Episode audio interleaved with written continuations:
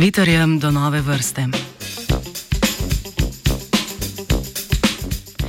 Z univerze v Kopenhagnu poročajo o novi vrsti glive, ki živi kot parazit na členonožcih. Odkrili so jo s pomočjo fotografije stonoge Kembala Anulata na Twitterju, ki je pri raziskovalki spodbudila zanimanje, saj teh gliv pri stonogah v Severni Ameriki še niso opazili. Sodelavci je začela brskati po muzejski zbirki členonožcev. Zaradi načina odkritja so novo vrsto poimenovali Troglomice s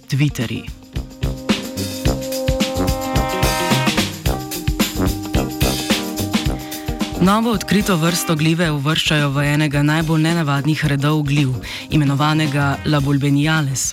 To so gljive zaprtotrosnice, ki zaradi svojega parazitskega načina življenja za preživetje nujno potrebujejo členonožce. Nimajo sicer za gljive značilnega micelija, pač pa iz dvocelične spore razvijajo različne oblike stelke.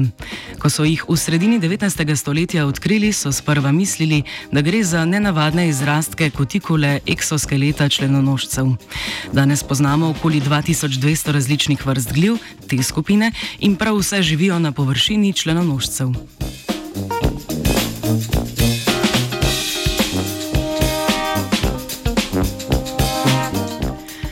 Njihov parazitski odnos pa ostaja pod vprašanjem, saj na številnih vrstah niso našli haustorija oziroma sesalnega organa, s katerim bi črpale in izkoriščale hranilne snovi gostitelja. Novo odkrito vrsto so opazili na kotikuli vrste členonožca z imenom kačica oziroma dvojno noga. To je največja skupina stonog, pogosto so valjaste oblike in imajo po dva para nog, ki rastajo iz vsakega člena telesa. Sicer so gljive reda, reda, labulbeniales, pogoste pri različnih členonožcih, kot so ščurki, hrošči, muhe, mravlje, termiti in drugi.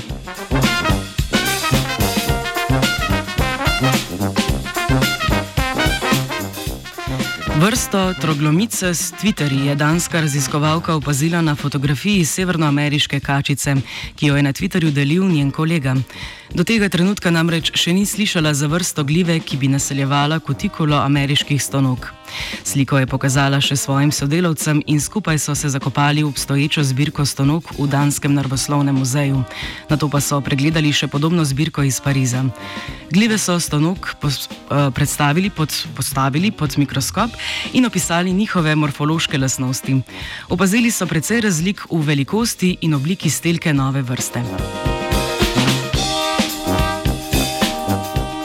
Znanih je še nekaj drugih primerov, ko so socialna omrežja in javno dostopne baze fotografij vodile do odkritja novih vrst rastlin in žuželk. Te platforme pridobivajo vedno večjo težo in pomen za deljenje informacij na področju raziskovanja in znanosti. Mnogi jih uporabljajo za promocijo svojega dela, v času hitrih in številnih novih raziskav pa so se socialna omrežja izkazala tudi kot možno orodje za preverjanje določenih rezultatov v krogu ljudi, ki imajo ustrezno znanje in zanimanje. Thank you.